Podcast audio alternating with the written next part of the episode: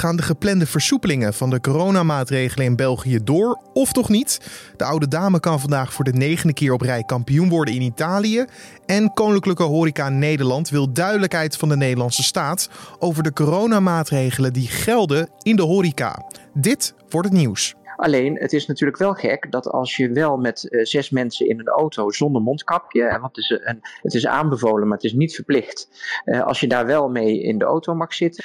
Uh, en je mag daarna niet met diezelfde zes personen aan één tafel zitten. Hoe leg je dat uit aan de gasten die een avondje komen tafelen of borrelen? Dat moet anders, zal dus de brancheorganisatie. Directeur Dirk Beljaard legt het straks nog even voor ons uit. Verder hebben we ook gebeld met de Nederlandse Horeca Gilde en de Vereniging Chinese Aziatische horeca-ondernemers over de zaak. Zij lichten ook hun standpunt over deze zaak toe.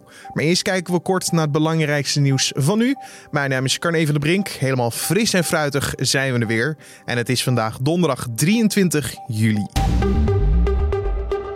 Het aantal bij de GGD's uitgevoerde coronatesten oversteeg woensdag het half miljoen. Toch zijn de GGD's op zoek naar manieren om het testen op het coronavirus nog beter, sneller en makkelijker te maken. Want zo bleek uit onderzoek van de GGD's en het RIVM, hoewel veel mensen de intentie hebben om zich te laten testen, laat slechts een klein deel dat bij daadwerkelijke klachten ook doen. Bij de beslissing om zich wel of niet te laten testen maakt iedereen een eigen afweging. Dat ziet Marijn de Bruin, hoogleraar gezondheidspsychologie en gedragsonderzoeker bij het RIVM. Praktische redenen zouden hierbij ook een rol kunnen spelen, bijvoorbeeld de bereikbaarheid van een testlocatie. Maar ook minder praktische zaken, zoals verhalen over dat de test niet heel prettig zou zijn, zouden doorslaggevend kunnen zijn in de keuze. Zo vinden sommige mensen dat het wattenstaafje wel erg ver in de neus wordt gestopt. Dergelijke signalen over deze angst om te testen zijn echter nog niet bekeken in het gedragsonderzoek van het RIVM. De Amerikaanse president Donald Trump gaat net als in Portland federale ordentroepen afsturen op steden die veel geweldsmisdrijven kennen. De zogenoemde Operatie Legend gaat zich richten op onder andere Chicago, Albuquerque en Kansas City. Tijdens een toespraak in het Witte Huis schreef Trump de geweldtoename in deze steden toe aan linkse bewegingen die lokale politieeenheden willen ontmantelen. Dit vanwege de moord op George Floyd in Minneapolis. De federale ordentroepen werden enkele weken al ingezet in Portland, waar ze volgens de burgemeester van die stad de protesten alleen maar hebben verergerd. Het onderzoek naar de grote Twitter-hack van vorige week heeft uitgewezen dat privéberichten zijn ingezien van minstens 36 van de 130 gehackte accounts, inclusief die van een verkozen politicus uit Nederland, al dus Twitter. Met een verkozen politicus wordt waarschijnlijk Geert Wilders bedoeld. Het Twitter-account van de voorman van de PVV werd overgenomen, waarbij de profielafbeelding werd vervangen door een karikatuur van een zwarte man en er complottheorieën werden geretweet. In de nacht van 15 op 16 juli werden prominente Twitter-accounts, waaronder die van Elon Musk, Bill Gates en Joe Biden, overgenomen door hackers. Op hun accounts werd een bericht geplaatst waarin stond dat mensen geld moesten overmaken naar een Bitcoin-rekening. Hackers zouden daarmee meer dan 100.000 dollar, omgerekend zo'n 80.000 euro, hebben buitgemaakt. En sinds mensen weer op vakantie gaan buiten onze landsgrenzen, hebben Nederlanders veel meer mondkapjes ingeslagen. Mondkapjesverkopers zien de verkopen in juli flink stijgen ten opzichte van juni. Drogisterijketens Kruidvat en Ethos zeggen in juli meer mondkapjes verkocht te hebben en wijzen allebei naar de vakantieboodschappen als verklaring van de stijging. Kruidvat ziet zelfs een toename van de mondkapjesverkopen van 20 tot 25 procent ten opzichte van vorige maand. Naast de drogisterijketens ziet ook online warenhuis bol.com de vraag naar mondkapjes snel stijgen. In de tweede week van juli werden 107% meer mondkapjes verkocht dan een week eerder. Bol.com wil echter geen verband leggen tussen de stijgende verkopen en de vakanties, simpelweg omdat het bedrijf hier niet om vraagt. En dan het kort geding van brancheorganisatie Koninklijke Horeca Nederland tegen de Nederlandse staat. Die vindt vandaag plaats. De organisatie wil dat de coronamaatregelen gelijk worden getrokken met die van andere sectoren.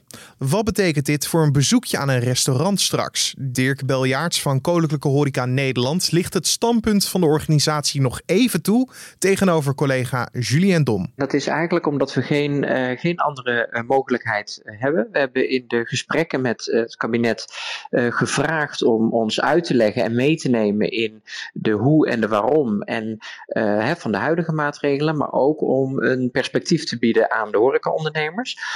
ze weten eigenlijk niet meer dan, dan, dan we nu allemaal weten.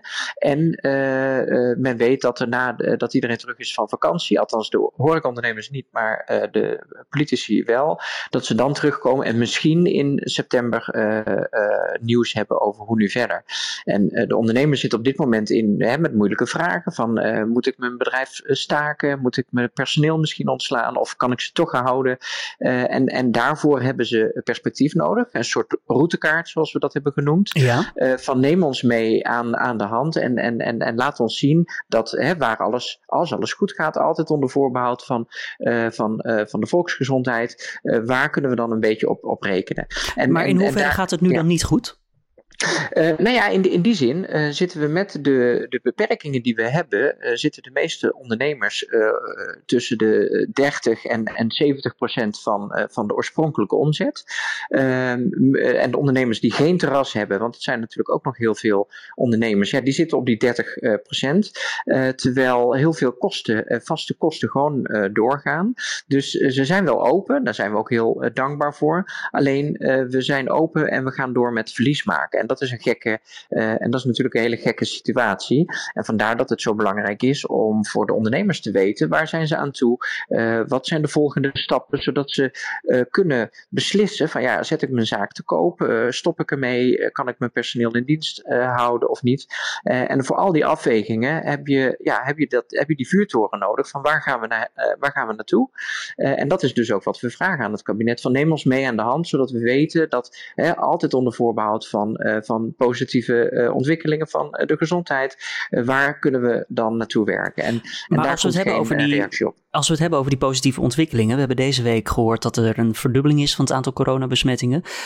dat kan ervoor zorgen dat er een, ja, die gevreesde tweede golf, dat die eraan zit te komen. Potentieel misschien een lockdown, dan wel niet lokaal. de restaurants die het nu volhouden met die anderhalve meter besmettingen, ja, die houden het misschien niet vol. Als de boel dicht gaat, op slot helemaal voelt dit dan niet alsof jullie spelen met vuur door deze, dit verzoek dan toch in te dienen? Nee, helemaal niet, want uh, volksgezondheid staat absoluut op nummer één. Uh, dat was altijd zo en dat is nog steeds zo. En we vragen ook niet om, uh, om extra om een voorkeursbehandeling of iets dergelijks. We vragen alleen dat de regels die er al zijn, om die overal van toepassing te uh, verklaren. Dus we willen geen voorkeursbehandeling. Nee, precies. Maar waarom dan een voor versoepeling in plaats van een verstrenging voor de andere regels? Nou ja, omdat, kijk, uh, de recente uh, cijfers, ik ben geen viroloog en volgens mij heeft daar het kabinet ook nog niets van uh, gevonden. dus of het zorgwekkend is of niet, kan ik niet beoordelen. Ik weet dat alle horecaondernemers de volksgezondheid op nummer 1 hebben staan. Die hebben zelf ook gezinnen. Uh, die willen ook voor hun personeel en gasten een veilige omgeving. Daarom hebben we ook een van de strengste eisen uh, hoe we met gasten omgaan en welke veiligheidsmaatregelen we hebben. En dat doen we ook heel serieus. Um, alleen, het is natuurlijk wel gek dat als je wel met uh, zes mensen in een auto zonder mondkapje, en want het is, een, het is aanbevolen, maar het is niet verplicht, als je daar wel mee in de auto mag zitten en je mag met diezelfde personen aan één tafel zonder afstand te houden en je mag bijvoorbeeld wel met diezelfde zes personen uh, contactsport doen, zoals boksen of uh, voetbal, waar je ook heel dicht bij elkaar komt. Uh, en je mag daarna niet met diezelfde zes personen aan één tafel zitten. Dat is wat gasten uh, aan ons vragen: van ja, maar dat is toch onze verantwoordelijkheid. Wij willen toch met zes personen aan de tafel. En wij kunnen het ze niet uitleggen, want wij kunnen dit verschil niet uitleggen. De kabinet heeft ons dat niet uh, willen uitleggen. En daarom zitten we in de situatie waarin we zitten, dat we zeggen van nou trek dat gelijk en leg ons dat uh, uit. Dus het is niet, uh, het is niet de randjes opzoeken, het is niet iets doen of vragen wat ongeoorloofd zou zijn, dat, verre van dat. maar het is wel om het op die manier uit te kunnen leggen. En ook omdat bijvoorbeeld in België zijn mensen, mogen met 15 mensen aan een tafel zitten, in, in Duitsland 10 personen en in Nederland twee. Dus, dus ook horecaondernemers hebben die vragen eh, waar ze gewoon ook geen antwoord op krijgen. Dus daar, daar zit de kern en niet om uh, onder andere op te zoeken om maar die omzet te maken. want dat is echt niet aan de orde. Ook het NAG, dat is het Nederlandse Horeca-gilde, en de VCHO, de Vereniging Chinese Aziatische Horecaondernemers, zijn het eens met de rechterlijke stap die de Koninklijke Horeca Nederland zet. Je hoort hierover eerst René Boerdam, voorzitter van het NAG. Het is onze uiterste kans om nog voor de grote zomer, zal ik maar zeggen, een paar maatregelen te neutraliseren die fataal kunnen zijn voor vele horecabedrijven. En met maatregelen bedoelt u dan uh, in de anderhalve meter regel zoals die nu beschreven staat? De anderhalve meter regel. Die regel moet, ge, die moet geneutraliseerd worden. Het zij uh, uh, de 1,50 meter moet terug naar 1 meter of een halve meter van mijn part. Um, het is voor heel veel bedrijven bijna onmogelijk om eraan te voldoen. Is er begrip voor als u mensen hierop aanspreekt, als u gasten hierop aanspreekt? Ja, daar is zeker begrip voor. Maar toch is er blijkbaar een soort van moeheid voor die regels. Dus, ja, ja. het is natuurlijk een horecabedrijf, dus er wordt ook uh, alcohol gedronken, biertjes. En na een paar biertjes worden de mensen wat, uh, wat makkelijker. En is het uh, gewoon voor de ondernemer moeilijk om iedereen maar tot de orde te roepen. Nou hebben we deze week gehoord dat er een verdubbeling is van het aantal coronabesmettingen in Nederland. Ja. Uh, dat komt ook omdat mensen weer meer met elkaar omgaan, dichter bij elkaar staan, uh, de maatregelen iets minder nauw nemen. Ja, stel je voor, er komt een uh, tweede golf. Dan lijkt me dit niet een optie om de horeca dan ja, ook iets losser te maken, of wel? Daar ben ik met u eens. En dat, dat is heel, heel erg tragisch dat op dit ogenblik het schijnsel zich voordoet dat de, dat de besmetting verdubbeld. Dat is echt uh, heel erg uh, jammer. Ik hoop niet dat het de aankondiging is van een nieuwe uh, piek. Want u heeft enkele honderden leden binnen het Nederlandse horeca-gilde.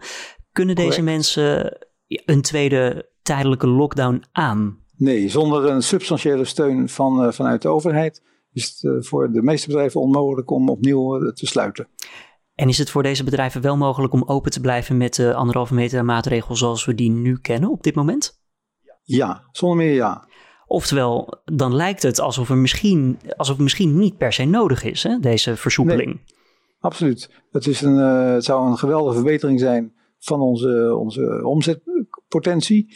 Maar uh, om te overleven kunnen wij ook op dit ogenblik uh, met die anderhalve meter maatregel uit de voeten. Waarom dan toch eens met de Koninklijke Horeca Nederland? Want stel dit zorgt voor een tweede golf, ja, dan speel je wel met vuur.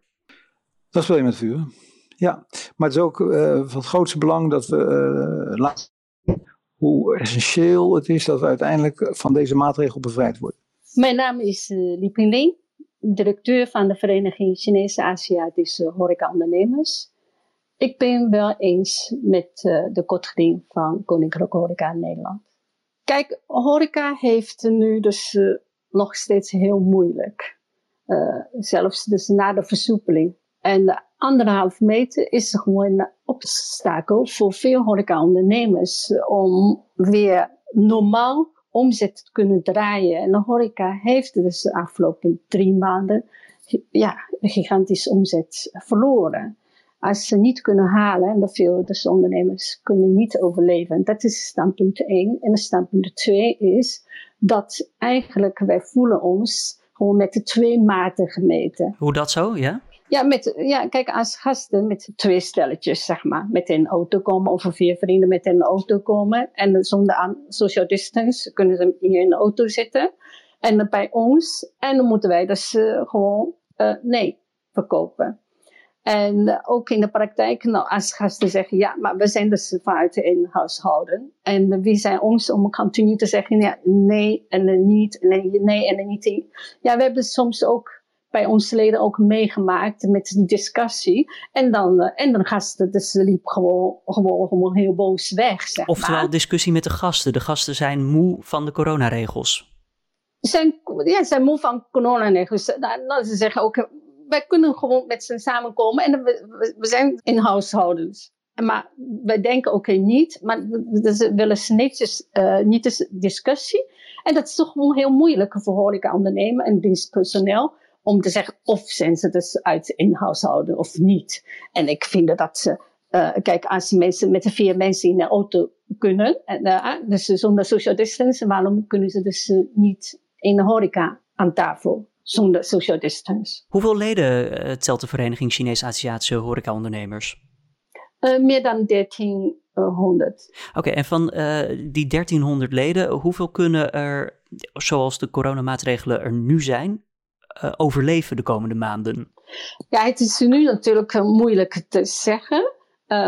kijk, ja, kijk, veel, dus, uh, veel horecazaken uh, gebruiken nu nog uh, de ondersteuningspakket van de overheid, zeg maar.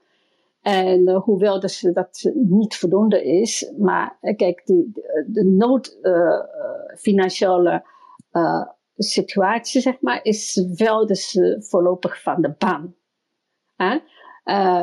Maar als straks dus uh, de ondersteuningspakket van de, uh, van de overheid wordt verminderd of helemaal verdwijnt, en dan moeten horecaondernemers op zelf, uh, zelfstandig op been staan. En heb je nog met die anderhalf meter social distance te maken. En dan wordt het dus gewoon voor de horeca is een, ja, ja, heel moeilijk. Liping Lin was dat als laatste directeur van de Vereniging Chinese Aziatische Horecaondernemers. Het kort geding van Koninklijke Horeca Nederland staat voor 11 uur deze ochtend op de agenda bij de rechtbank in Den Haag. Het is echter nog even de vraag of er ook daadwerkelijk meteen een uitspraak komt. We volgen de zaak in ieder geval hier op nu.nl.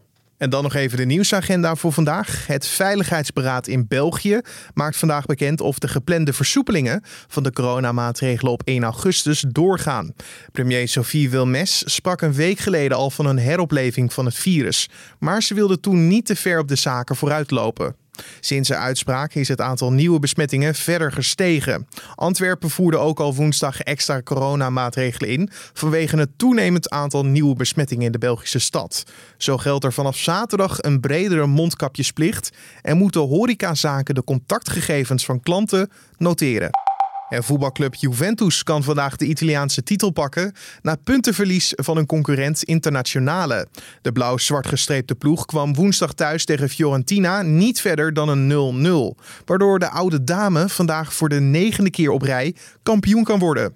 De ploeg van de Nederlandse verdediger Matthijs de Licht gaat om half acht op bezoek bij Udinese en is bij winst met nog drie speelronden te gaan niet meer in te halen door de concurrentie.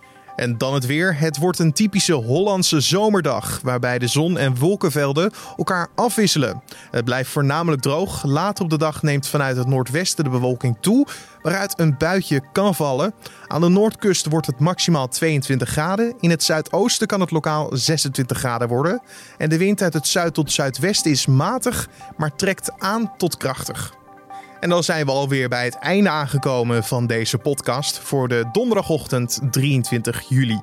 De podcast vind je op de voorpagina van nu.nl en in je favoriete podcast-app in de ochtend en in de middag. En natuurlijk kan je ons altijd blij maken met feedback, vragen of suggesties door te sturen naar podcast.nu.nl. Wij verzamelen het allemaal in een grote tombola en die nemen we dan mee naar de openbare redactievergadering van de vrijdag. En daarin zullen we dus alles bespreken. Dus heb je nou, suggesties, feedback, vragen, ik zei het al, stuur die dan op naar podcast.nu.nl. Verder kan je ook altijd een recensie achterlaten bij Apple Podcast, want zo help je anderen die nog niet bekend zijn met deze podcast hem makkelijker te vinden. Mijn naam is Carne van der Brink. Ik je een hele mooie dag en hopelijk tot de volgende podcast.